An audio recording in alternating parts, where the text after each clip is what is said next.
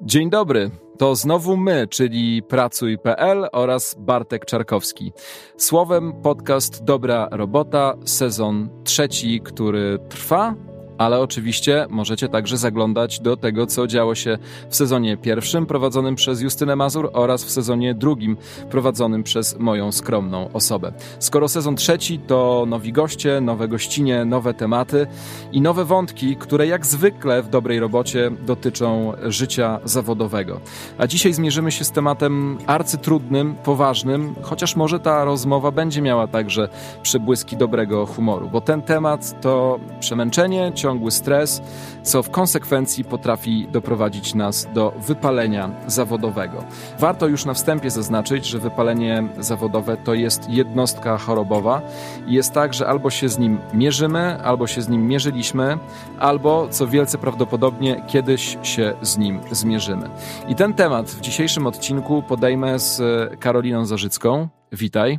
Cześć, bardzo mi miło. Dziękuję w imieniu swoim i Pracuj.pl za to, że przyjęłaś nasze zaproszenie i cieszę się, że tych najbliższych kilkanaście minut, kilkadziesiąt minut spędzimy w swoim towarzystwie, rozmawiając o wypaleniu zawodowym, ale rozmawiając także o Twojej pracy. Jesteś e, pielęgniarką, pracujesz w ochronie zdrowia, ale jesteś także osobą nie przesadzę, jak powiem, znaną publicznie, bo jeśli czyjeś konto obserwuje 200 tysięcy osób na Instagramie, no to jesteś, Karolina, osobą publiczną. Powiedz mi na samym początku, jak w takim razie trafia się z ochrony zdrowia, sprzed łóżka pacjenta, gdzie pracujesz jako pielęgniarka, na Instagrama i jak osiąga się wynik 200 tysięcy followersów? Nie mam zielonego pojęcia.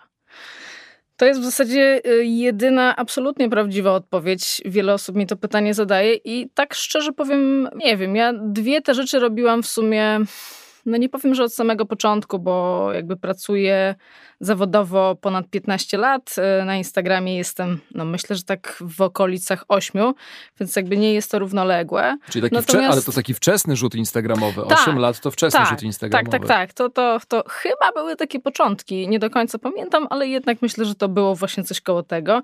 I ja w zasadzie cały czas te dwie rzeczy robiłam jednocześnie żeby powiedzieć, Instagram nie był niczym, co było w jakiś sposób kreowane i w sumie do tej pory w większości nie jest, bo zdjęcia, które tam posiadam, to są z reguły zdjęcia pracy, czy są to zdjęcia takie zwykłe, domowe. E, ja w ogóle rzadko kiedy mam czas, żeby coś tam stworzyć, jakąś tam, nazwijmy to, kreację, żeby coś specjalnego przygotować. Więc jakby zawsze te dwie rzeczy płynęły równolegle i myślę, że to jest takie trochę unikatowe, wiesz? Jeśli już y, słuchacie naszego podcastu, a macie w dłoniach telefon, to na chwilę przerzućcie się z y, serwisu streamingowego, na którym y, słuchacie dobrej roboty. Wejdźcie na Instagrama, jeśli macie tam konto i wpiszcie Karolina Zarzycka. Wyjdzie wam konto i też zobaczycie, że Karolina, przepraszam, że to powiem, jest bardzo charakterystyczną postacią, a to pewnie sobie odkryjemy w trakcie naszej dzisiejszej rozmowy. Przypomnę, że tematem jest wypalenie zawodowe. Polacy są, Karolina, w czołówce krajów Unii Europejskiej w których spędza się najwięcej czasu w pracy, bo dokładnie 63% e, Polaków deklaruje, że pracuje po 7-8 godzin dziennie, a 21% respondentów zajmuje się pracą nawet dłużej, bo 10 godzin i więcej. To dane z badania, które zostało przeprowadzone dla platformy epsycholodzy.pl w listopadzie 2021 roku, czyli jest naprawdę świeże. Dużo pracujemy, Dużo poświęcamy pracy, dużo czasu, ale też takiego po prostu swojego życia prywatnego i w konsekwencji wypalamy się zawodowo, bo to jest chyba taka najprostsza droga do tego, żeby poczuć, że coś jest e, nie tak. Jak bardzo jest Ci bliski temat e, wypalenia zawodowego w ogóle? Absolutnie, bardzo bliski. Sama się z tym tematem zmierzyłam, zmierzam i pewnie też zmierzać e, będę przez dalsze lata mojej pracy, wobec czego jakby wiem zupełnie o czym jest mowa. Mierzyłaś, czy mierzysz? To jest e, istotne pytanie. Mm -hmm. To jest powtarzająca się sytuacja, powiedziałeś, że już 15 lat jesteś pielęgniarką, powtarzająca się cyklicznie, czy na szczęście tylko raz potem pokonałaś i teraz, nie wiem, czujesz, że może ponownie nadchodzi ta fala? Z czego to wynika? Pewnie trzeba byłoby teraz porozmawiać tak e, sobie z etapami w ogóle o całym wypaleniu zawodowym, ale jeżeli tak chcąc odpowiedzieć od razu na to twoje pytanie, zmierzyłam się tak w sumie pierwszy raz z wypaleniem zawodowym w momencie, kiedy miałam tam dwie, nawet trzy prace, wobec czego ta liczba godzin przepracowanych w miesiącu no, była tak y, grubo powyżej takiej standardowej liczby godzin y, w takiej normie jednego etatu. Powiedzmy sobie, było to mniej więcej tak, jakbym pracowała dwa etaty non-stop. I myślę sobie, że w którymś momencie ilość tych obowiązków, natłok tych zajęć, też przede wszystkim. Zwyczajne zmęczenie, takie zmęczenie i znużenie tym, że codziennie dzień wyglądał tak samo, wiesz, codziennie wstawałam rano, codziennie był e, telefon, z którym wszystko robiłam, w sensie chodzi mi konkretnie o zegarek, wiesz, prysznic z zegarkiem, wszystko z zegarkiem, każdy dzień wyglądał tak samo. W momencie, kiedy tego wszystkiego było już e, przez dłuższy czas tak dużo, e, no nagle muszę powiedzieć, zapaliła się czerwona lampka z takim dużym piskiem. E, I to był taki wtedy pierwszy raz tego wszystkiego, kiedy faktycznie zauważyłam, że coś jest nie tak, bo moje reakcje takie na zupełnie błahe rzeczy, yy, moje takie reakcje emocjonalne, czy też jakieś takie zwyczajne zdenerwowanie jest kompletnie nieadekwatne do sytuacji, która ma miejsce. Czyli już tak trochę oderwanie się od tej takiej realizmu, jakby mówię, te reakcje no, były zupełnie overreacting. To było wszystko za bardzo yy, do sytuacji, która gdzieś tam miała miejsce.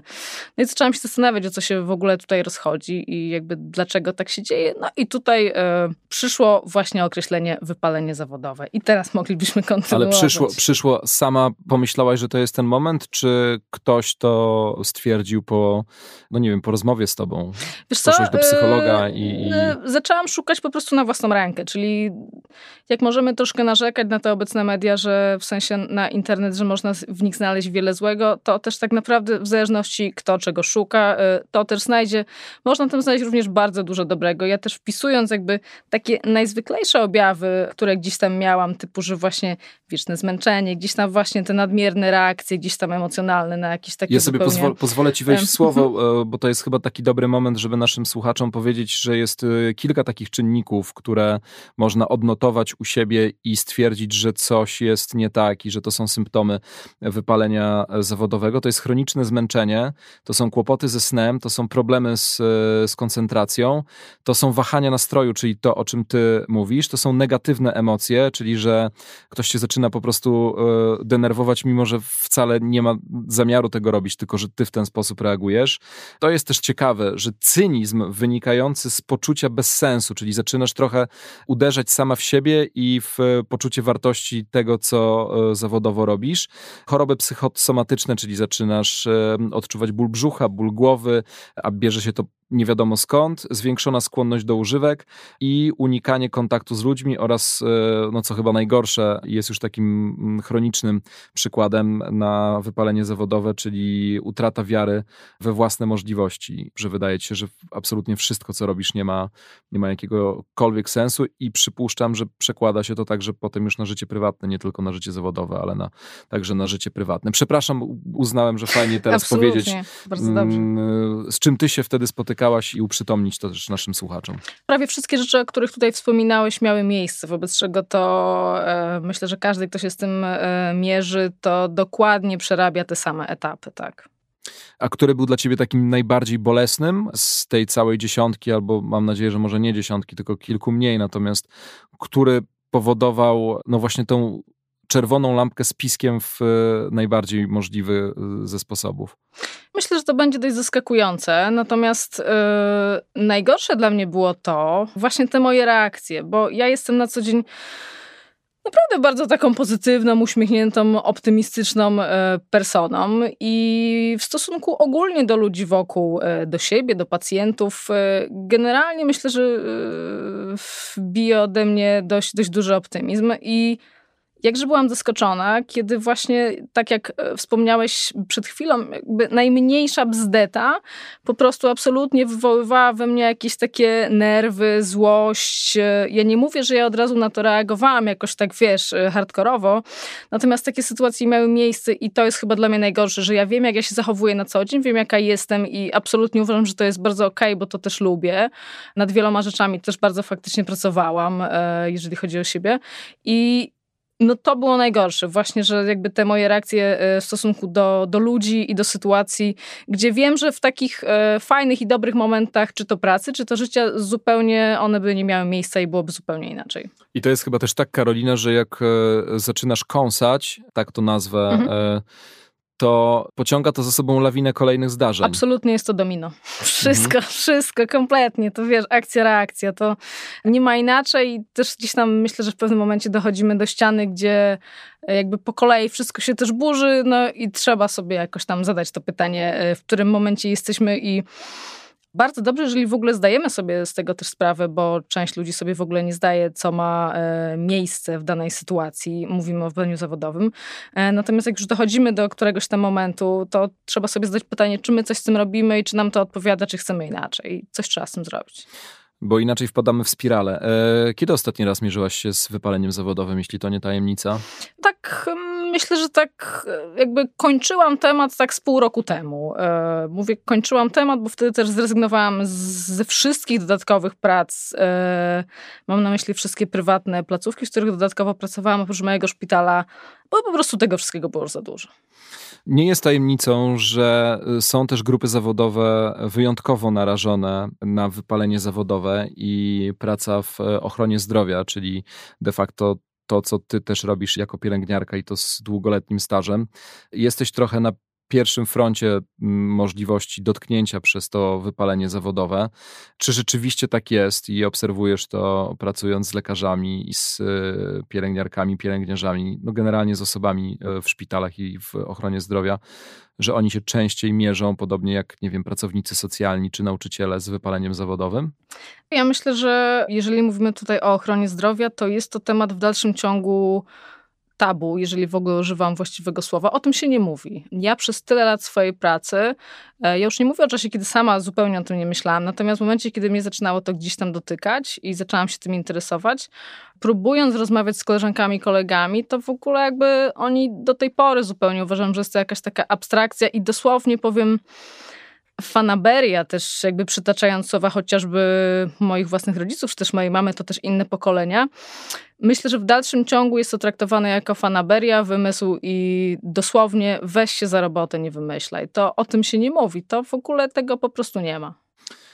Ale czy nie jest tak, że lekarze powinni jednak jako osoby łatwo diagnozujące jakieś symptomy działać najszybciej, i sami siebie nawet diagnozować. Ja nie mówię już o tym, że diagnozują kogoś innego, ale sami siebie diagnozują i wiedzą, że potrzebują odpoczynku, albo potrzebują zmiany, albo potrzebują jakiejś rozmowy z e, psychologiem, być może jakiejś e, farmakoterapii. Z jakiego powodu jest to temat tabu? Jeszcze w grupie. Bo tutaj e, nie ma się czego wstydzić, jak mhm, przy każdej e, psychicznej chorobie. Nie ma się czego wstydzić. Jeżeli jeszcze mówimy o lekarzach, to tutaj nie ma aż takiego dużego muru, czyli e, już trochę jest o czym rozmawiać. W sensie, tak jak powiedziałeś, oni mają też tego świadomość, oni to diagnozują i to jest dla nich normalne. I oni też dość szybko reagują na to wypalenie zawodowe, jeżeli chodzi o ich grupę zawodową. Natomiast jeżeli chodzi o na przykład o moją grupę zawodową, też nie chciałabym tutaj nikogo dzielić, jeżeli chodzi o ochronę zdrowia. Natomiast moja grupa zawodowa, no to jakby wypalenie zawodowe w niej według nich e, nie istnieje.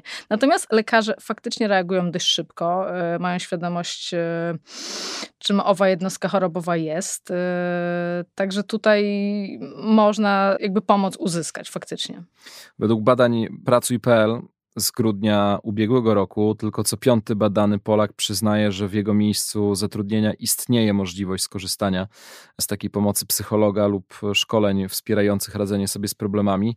A czy według Ciebie takie wsparcie ma realną możliwość pomocy i czy sama spotkałaś się u siebie w pracy z taką możliwością, że e, ktoś był wyżej, ktoś był obok, kto mógł zareagować? E, mówisz tutaj o tej pomocy psychologa, tak? tak? Pomocy, w takim sensie, że można, że tak. można jakby w swoim szpitalu zgłosić się e, gdzieś tam do poradni.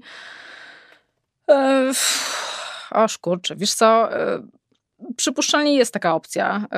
Sama też takiej opcji nie szukałam, więc też próżno mi zastanawiać się, dlaczego inni nie szukają. Myślę, że jest i myślę, że jest to bardzo przydatne bo sam fakt tego, że my z kimś rozmawiamy i ktoś powie, że my mamy prawo czuć jakieś tam emocje i że to tak faktycznie jest, nie są to nasze wymysły, mamy do tego prawo i możemy coś z tym zrobić, nie jesteśmy w tym sami, jest super, więc myślę, że byłoby to i jest na pewno bardzo pomocne, jeżeli ktoś korzysta z takiej porady, pomocy. A jak ty sobie poradziłaś z e, każdą kolejną fazą wypalenia zawodowego? No przede wszystkim jak już zaczęłam szukać o tym informacji i poznawać trochę tego mojego wroga, z którym się mierzę, no to trzeba było się jakoś z nim e, skumplować. Zaczęłam bardzo prosto, bo to zdanie się często u mnie przejawiało, jak ja w ogóle o tym myślałam, że jestem zmęczona. To było jakby pierwsze zdanie, które w ogóle e, budziłam się jakby zupełnie już z tą myślą, więc no, pierwsza rzecz, która mi przyszła do głowy, było właśnie pierwszą rzeczą było zrezygnowanie ze wszystkich dodatkowych zajęć. Owszem, jakby finansowo było to wyzwanie, bo tak jak sam powiedziałeś na samym początku, pracujemy dużo. Um, dzięki temu też mamy możliwość zarabiania większych pieniędzy, więc trzeba było się z tym jakoś tam zmierzyć i zdecydować na to, żeby z tego zrezygnować. Efekty tej decyzji przyszły dość szybko. Naprawdę, już po pierwszych tygodniach okazało się, że ja w ogóle wychodzę na dwór z psami w ciągu dnia i w ogóle widzę ludzi, jest dzień, a nie ma nocy. Y, w sensie ja wychodziłam rano, wiesz, zawsze było ciemno, wracałam, było ciemno i tak praktycznie to wyglądało każdego dnia, zwłaszcza, że pracuję w trybie zmianowym, więc pracuję też weekendy i nocki.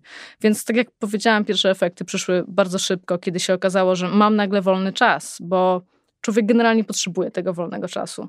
To trochę tak jak z szafą, wiesz, jak masz ją wypchaną po same brzegi, to jak ją otwierasz i chcesz znaleźć tam bluzę, którą masz dzisiaj na sobie, to wyjmujesz przy okazji kostiumy kąpielowe z lata mniej więcej, nie? I to ci wszystko wypada, więc jakby z tego nigdy nic dobrego nie wyjdzie, bo zawsze są nerwy i zawsze jest jakieś tam na szybko pakowanie. Jak masz tą szafę do połowy pustą, no to wtedy łatwo ci w niej wszystko znaleźć, też łatwo jest wyjąć potrzebne rzeczy i zawsze jest ład i porządek. I tak też to wygląda w życiu, więc jak masz wolny czas, jak masz ten czas dla siebie, to też inaczej funkcjonujesz. No stąd właśnie, tak jak myślę, no te, um, u mnie te pierwsze jakby efekty poprawy tego nastroju zwyczajnie e, przyszły bardzo szybko i faktycznie już w pracy później zaczęłam zauważyć, że już spoko, że już faktycznie idę do tej pracy i jest fajnie, rozmawiam Czyli z tymi pacjentami. Po, po, mhm. Pozwól mi zrozumieć, zrezygnowałeś ze wszystkich innych zajęć, zostawiając sobie tylko jedno główne tak. Y, zajęcie, tak. czyli po prostu skupiłaś się na pracy pielęgniarki w jednym e, konkretnym miejscu. Tak. No dobra, to co było dalej? Trochę odpoczęłaś, e, zobaczyłaś e, innych ludzi, słońce, wychodziłaś z psem. To są rzeczy, które ja też mogę z tobą jakoś e, współodczuwać, bo wiem, jak irytujące jest wracanie do domu każdego dnia o 21 albo o 20, kiedy właściwie już niczego nie możesz zrobić. Co więcej, nie masz też siły, nawet jeśli ktoś ci proponuje mhm, wyjście dokładnie. do kina na kolację, to ty wolisz się po prostu położyć i pewnie zasnąć na kanapie. Ale czy było jeszcze coś, co zmieniłaś e, po tym pierwszym kryzysie? Znaczy zasnąć na kanapie to jest w ogóle e, słowo klucz. Ja myślę, że głównie spałam na kanapie. Mhm. tak trzeba nazwać rzeczy. To też nie było takie normalne, jak zasypiasz e, praktycznie codziennie w ubraniu, więc to już nie są takie normalne rzeczy. To nie jest zwykłe zmęczenie i fanaberia. I co się zmieniło? Wiesz co, no, tak jak sam powiedziałeś, to są takie kolejne rzeczy, kolejne kroki, które robimy do no nie wiem, czy możemy używać słowa wyzdrowienia, e, ale które gdzieś tam robimy w tej drodze właśnie ku lepszemu, e, żeby jakoś tam wyjść z tej sytuacji. To jest właśnie to, żeby po prostu no, wychodziłam na dwór, chodziłam z psami dokładnie, ale też przede wszystkim miałam możliwość normalnego funkcjonowania z ludźmi czego nie miałam przez poprzednie trzy lata, bo ja tak dość intensywnie pracowałam przez ponad trzy lata i to absolutnie też uniemożliwiało jakiekolwiek tak naprawdę życie prywatne, bo tak jak powiedziałeś, jak ja wracałam wieczorem, to na pytanie, co dzisiaj porobimy, no to y, sam możesz się domyślić, jaka była moja odpowiedź. No rób sobie sam generalnie, tak, no ja tu idę spać w ogóle.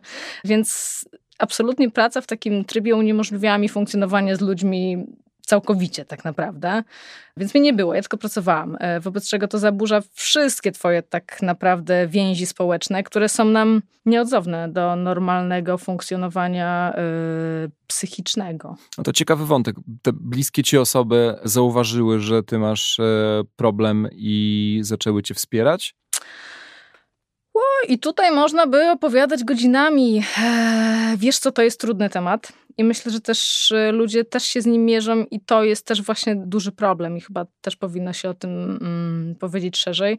To nie jest do końca tak, y, bo jak ktoś był świadom, że w ogóle taka rzecz y, jak wypalenie zawodowe istnieje, że w ogóle jestem w jakimś takim gorszym faktycznie momencie, no to powiedział okej, okay, dobra, ogarniaj, ogarniaj, spoko, poczekam, nie?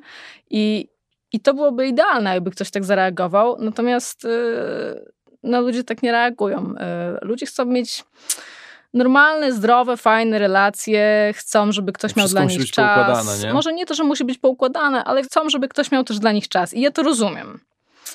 I tutaj ta reakcja tej drugiej strony, czy to jakoś tam osób bliskich e, w związkach, to jest taka dość różna. No najczęściej praktycznie jest reakcja taka sama trochę jak była moich rodziców, czyli że fanaberia. E, fanaberia jakby weź nie przesadzaj generalnie, weź się do roboty, to jest mój ulubiony zwrot. Więc tutaj raczej myślę, że próżno szukać wsparcia, niestety, chociaż przypuszczam, że znajdują się ludzie na tyle już świadomi, zwłaszcza kiedy wokół się tak e, dużo o tym mówi, że coś takiego istnieje i że trzeba być jakimś tam wsparciem, oparciem, bo jest to stan emocjonalny, który mija, jak większość. Natomiast prawda jest taka, że trzeba go jakoś tam przetrwać i mówię, o ile dla mnie samej było to trudne, no to myślę, że dla osoby z boku, której która gdzieś tam w tym e, mogła uczestniczyć, było to zupełnie niefajne. No i też trochę nie mam e, jakichś tam może pretensji, że ktoś niekoniecznie to ogarniał. Nie mogę ci nie zadać tego pytania, mhm. E, ale z kontekstu naszej rozmowy wynika, że mierzyłaś się z wypaleniem zawodowym nie jeden raz. Mhm. To jak doprowadziłaś, mając już na względzie to pierwsze wypalenie, do kolejnego, gdzie popełniłaś błąd, który znowu wrzucił cię do tej samej wypalonej szuflady? No, błąd był e, taki sam, myślę, że jak w większości ludzi, chyba trzeba powiedzieć, jak przy uzależnieniach. To mhm. chyba mogę użyć tego sformułowania, bo ten pierwszy moment, kiedy już tak poczułam trochę wiatr w żagle i że było tak fajnie i że znowu mogę wszystko, nie? Znowu mam siłę, znowu jestem wypoczęta, znowu mi się chce i znowu to lubię właśnie to było takie bardzo złudne i to myślę jest e, też taki etap przy uzależnieniach bardzo e, niebezpieczny e, że pomyślałam sobie, kurde, to już chyba mogę jakieś znowu wziąć nowe rzeczy na plecy. Zabezpiecznie I, się poczułaś. Tak, zabezpiecznie się poczułam i znowu tam nabrałam sobie jakichś takich rzeczy, które na pierwszy rzut były bardzo fajne, były bardzo interesujące dla mnie, no, natomiast już oczywiście po paru tygodniach y, no, doprowadziły jakby do podobnej sytuacji. No ja też nie chcę, żeby to tak wybrzmiało, wiesz, że o ja biedna, nieszczęśliwa, nie, że mam tak źle, bo też trzeba powiedzieć, że ja jestem w tej komfortowej znaczy dla mnie komfortowej sytuacji, że ja jestem jednoosobowo, no mam dwa psiaki, no więc no mam taką familię trzyosobową. Natomiast jeżeli ktoś ma dodatkowo jeszcze e, rodzinę, dzieciaki, jakby to wszystko, ten cały galimatias wokół, no to jakby dopiero przeżywa e, duże i trudne rzeczy, jak gdzieś tam to wszystko się dzieje wokół i trzeba temu sprostać mimo wszystko, to wiesz, ja miałam o tyle dobrze, że ja wracałam do domu, mogłam sobie po prostu pójść spać i jakby nikomu to nic nie robiło, no nie? No ale tak już wracając, bo ja zawsze odbiegam od jakiegoś tam pytania mm, do tego, o, o co mnie pytałeś, no to tak powiedziałeś, po prostu zapewnie się poczułam i znowu nabrałam sobie jakiś tam rzeczy na głowę, które e, no finalnie spowodowały dokładnie to samo. I tak samo reagowałaś? Tak, tak. Z tym, że to już było o tyle fajniejsze, jeśli mogę użyć tego słowa, że już wiedziałam, e, z czym to się je i bardzo szybko zareagowałam, że o kurczę, dobre, znowu, znowu, okej, okay.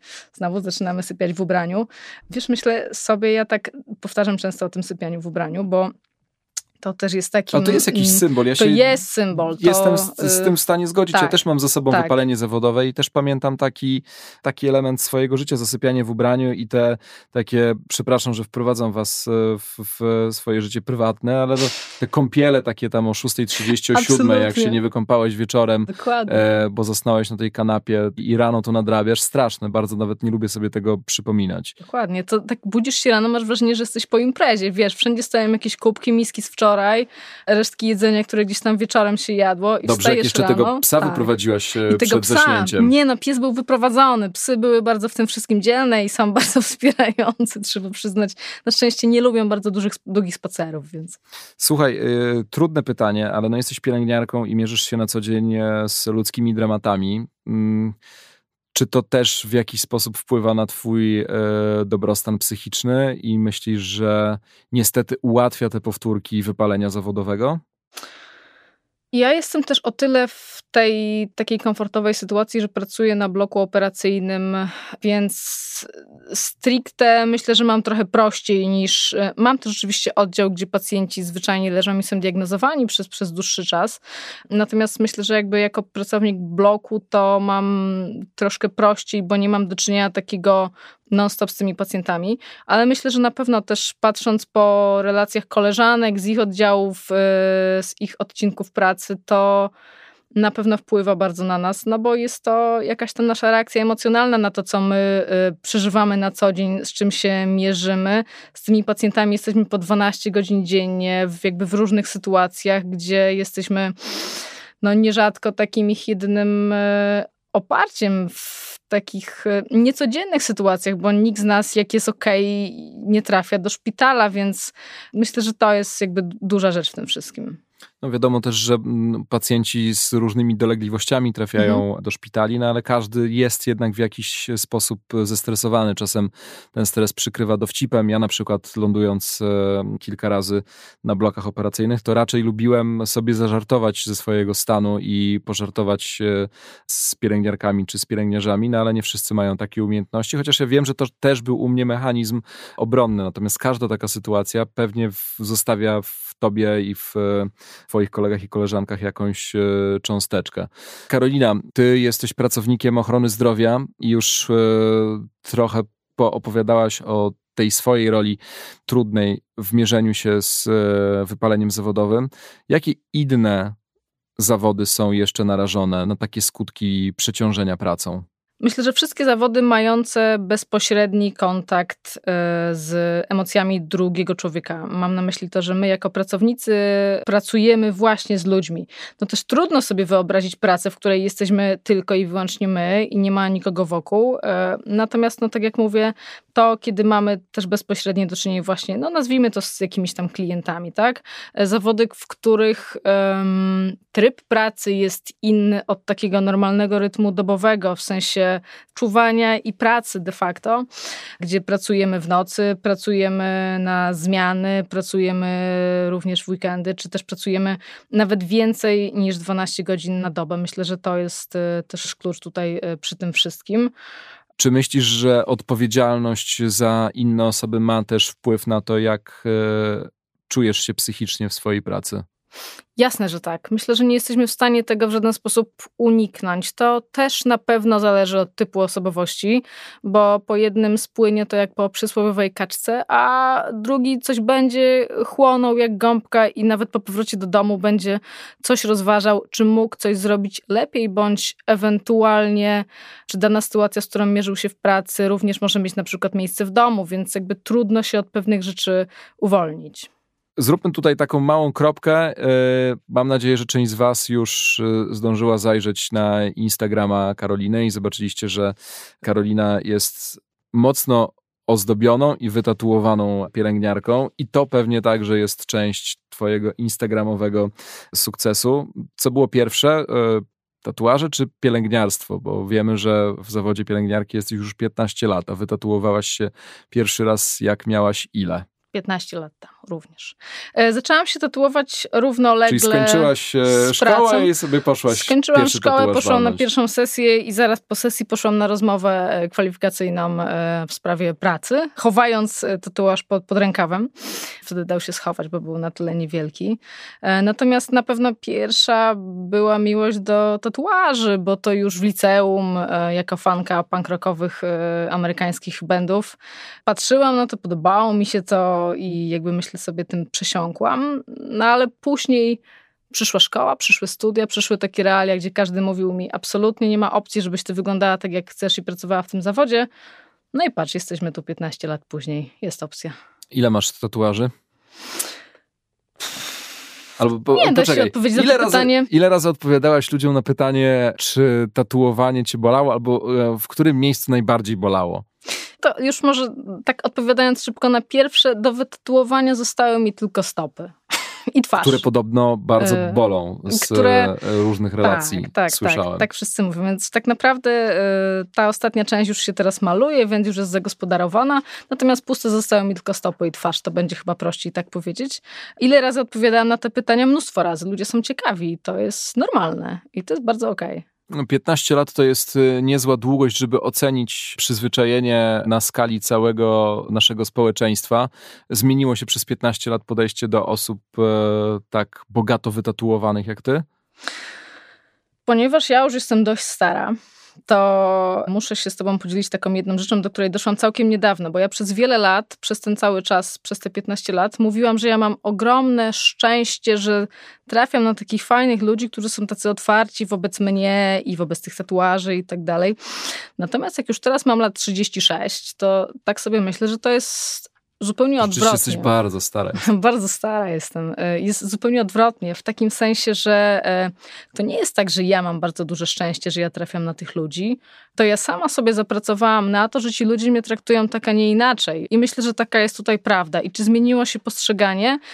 Ja mogę powiedzieć w odniesieniu do siebie. Tatuując się w tak dużym stopniu, miałam świadomość jednej rzeczy, że będę musiała zawsze to jakoś obronić, bo pracuję w takim, a nie innym zawodzie i trzeba będzie to obronić. Co nie było dla mnie jakoś specjalnie trudne, bo będąc taką dość pozytywną i rozgadaną osobą, to ja pacjenci mnie lubią, tak najzwyczajniej w świecie. I ja sobie też zapracowałam na to, jak ludzie na mnie reagują i myślę sobie, że też zapracowałam na to, jak postrzegają mnie współpracownicy, koledzy, koleżanki z pracy, czy też szefowie. Więc czy to się zmieniło? Myślę, że jeżeli chodzi o mnie, to ja sama na pewno to w jakiś sposób zmieniam, że ludzie się też do tego przyzwyczaili, a skoro ja jestem ok, oni się też przyzwyczaili do tego, jak ja wyglądam, no to też myślę, że z tej perspektywy mogą też oceniać innych ludzi, że to jest też całkiem ok, bo to już dużo ludzi tak wygląda jak ja.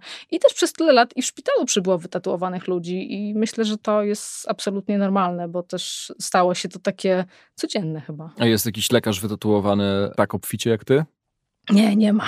Nie, nie ma. Lekarze w ogóle są niewiele. Poprosimy o kontakt, jeśli jest wśród, e, wśród e, słuchaczy taka postać.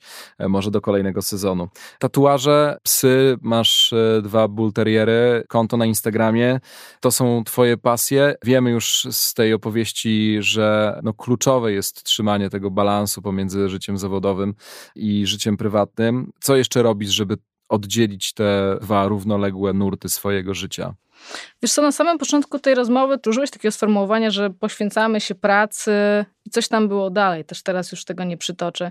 I myślę, że to jest kluczem, wiesz, bo to Kluczem jest to, żeby w życiu nie tylko się poświęcać, bo jak się poświęcamy, to nic dobrego z tego nie przychodzi. Natomiast warto jest się w coś zaangażować. Jak się w coś angażujemy, tak jak mówisz, co jest dla mnie kluczem, ja na przykład jestem dość zaangażowana chociażby w proces tego tatuowania. Mam na myśli to, że jakby nie jest dla mnie problemem po czterech godzinach snu wstać rano o piątej i jechać e, pociągiem do Warszawy na kolejną sesję i może jestem zmęczona i może następnego dnia też mam dyżur. To jest dla mnie bardzo okej, okay, bo ja to lubię, to mnie mnie gdzieś tam nakręca, to sprawia mi ogromną przyjemność i jest dla mnie mega frajdą i też jest takim bardzo fajnym spędzeniem czasu. Już nie mówiąc o samym efekcie, bo tatuaże zwyczajnie lubię i są dla mnie po prostu bardzo estetyczne na skórze.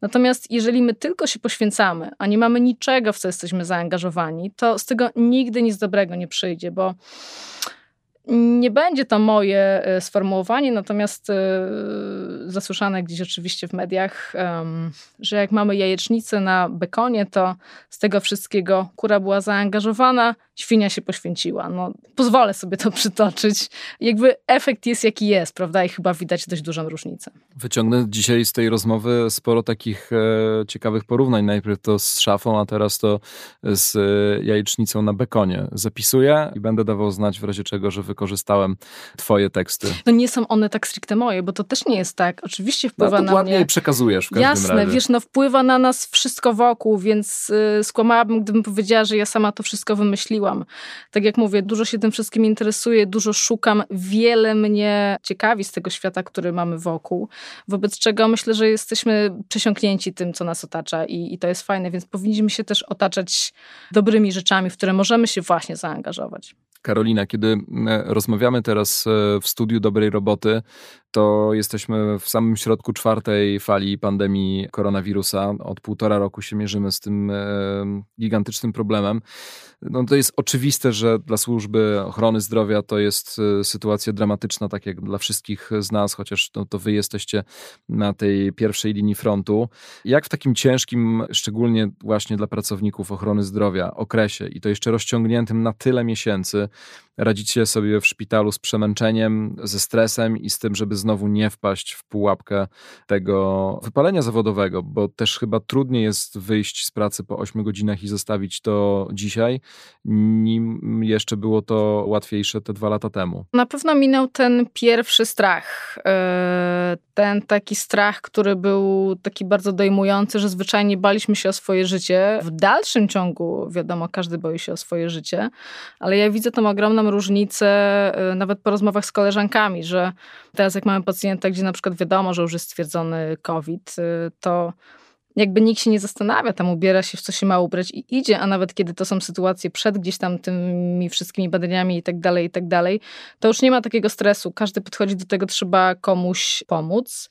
I wiesz, co ciekawe, to jest to, że przez te całe dwa lata, możemy już chyba tak powiedzieć, to nikt, kogo znam, nie zrezygnował z tej pracy. Nikt, kogo znam, nie odszedł mimo wszystko z zawodu. Każdy pracuje i sobie jakoś tam z tym wszystkim radzi. Dotyka nas to, bo już znowu zaczynają się zachorowania, co też widać już po oddziałach, po pracownikach, że już e, zaczynają się zwolnienia, zaczynają się gdzieś tam informacje o tym, że e, gdzieś tam po kolei ludzie chorują. Więc jest to też bardzo stresujące, bo wiadomo, są to też dodatkowe dyżury, zmiana jakichś tam grafików i tak dalej, i tak dalej, i tak dalej. Ale myślę sobie, że y, pracujemy, z czego jestem dumna, to też trzeba powiedzieć, że zaskoczona jestem tym, że potrafimy tak reagować, że każdy się z tym jakoś tam obył, y, używa tych środków ochrony osobistej i to jest takie normalne i no po prostu, po prostu pracujemy. Opowiesz nam w kilku zdaniach, jak ciężko było w tym pierwszym okresie pandemii i jak sobie z tym radziłaś, jak wracałaś do domu, może w ogóle zostawałaś w szpitalu, zostawałaś na oddziale. Jak wyglądała wtedy twoja droga zawodowa? Różne były sytuacje, bo ten początek był na tyle przerażający, trzeba użyć tego sformułowania, że ponieważ nikt nie wiedział, z czym się mierzy i nie było to wszystko sformułowanych tak naprawdę żadnych przepisów nie było, żadnych e, rzeczy, do których można się odnieść e, w ramach tego, jakie są kolejne teraz e, opcje do reakcji, te całe takie po kolei. Więc początek był taki dość przerażający. Wiadomo, to było dość głośne w Polsce, że nie byliśmy gotowi z tymi no, też, wszystkimi środkami. Te, też mało kto był na świecie Jasne, gotowy. mało kto był, natomiast dość szybko to wszystko zostało wdrożone. Jak ja sobie radziłam, wiesz co, no mnie akurat akurat nie zdarzyła się sytuacja, że musiałam zostać, bo, bo była gdzieś tam stwierdzona opcja jakiegoś tam zagrożenia w pracy. Natomiast koleżanki zostawały. To prawda.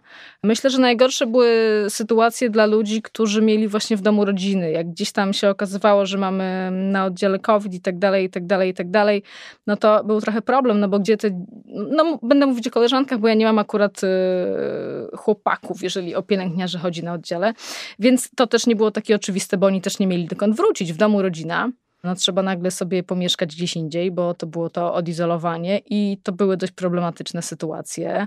I myślę, że dla nikogo nie były proste, bo trzeba było jakoś tak szybko to wszystko przeorganizować. Były też sytuacje, o których się dość głośno mówiło że na podwórkach, w blokach i, i tak dalej e, ludzie byli wytykani, służby zdrowia z kolei, że pracują, że są narażeni, że roznoszą różne rzeczy. Mnie takie sytuacje bezpośrednio się nie zdarzyły, przyznam szczerze. Jeżeli chodzi o mnie, i to też nie jest tak, że ja koloryzuję i że mówię, że jest wszystko super. E, mi się to nie zdarzyło, jeżeli chodzi o mnie, to zawsze spotykałam się, czy to w sklepie, bo przecież w tych miejscach się mieszka, e, wraca do nich regularnie, czy też nawet panie ekspedientki bardzo często pytały się, jak jest, jak w szpitalu i tak dalej, że super, że gratulacje, więc ja nie odczułam tak bardzo, wiesz co, na swojej skórze tej grozy, tego COVID-u. Może miałam też prościej, bo tak jak mówię, ja wracałam do domu, wiedziałam, że jestem sama, no nie? Więc nie bałam się też, że kogoś zarażę i tak dalej. Wiadomo, że się działo się samemu, było odizolowanie, nie widziało się z rodzicami, jakby z rodziną, bo to nie chciało się nikogo narazić. I były to takie sytuacje dość niecodzienne. Natomiast trzeba też powiedzieć, że w porównaniu do innych grup zawodowych, my jednak cały czas e, w tej pracy byliśmy, więc w jaki sposób ta higiena psychiczna, mimo że jakby narażenie na powiedzmy niebezpieczeństwo było większe niż zazwyczaj, była trochę zachowana. Jednak tak do końca nie można było zwariować, bo trzeba było wstać rano i do tej pracy wrócić. Jest też coś e, poruszającego w tym, że na własnym przykładzie i przykładzie osób, z którymi pracujesz w szpitalu, nikt się nie poddał, nikt się nie zwolnił, nikt nie zrezygnował.